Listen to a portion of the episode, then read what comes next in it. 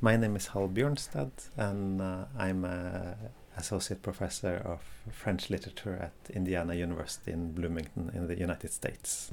We use examples, all of us, all the time when we speak, uh, as an illustration, as a proof to give an image and development of what we are talking about.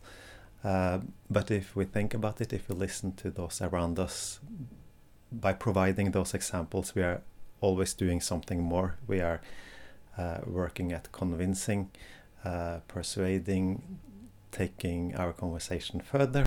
Um, there is rhetorical force in the example, which is difficult to pinpoint uh, and therefore important to analyze.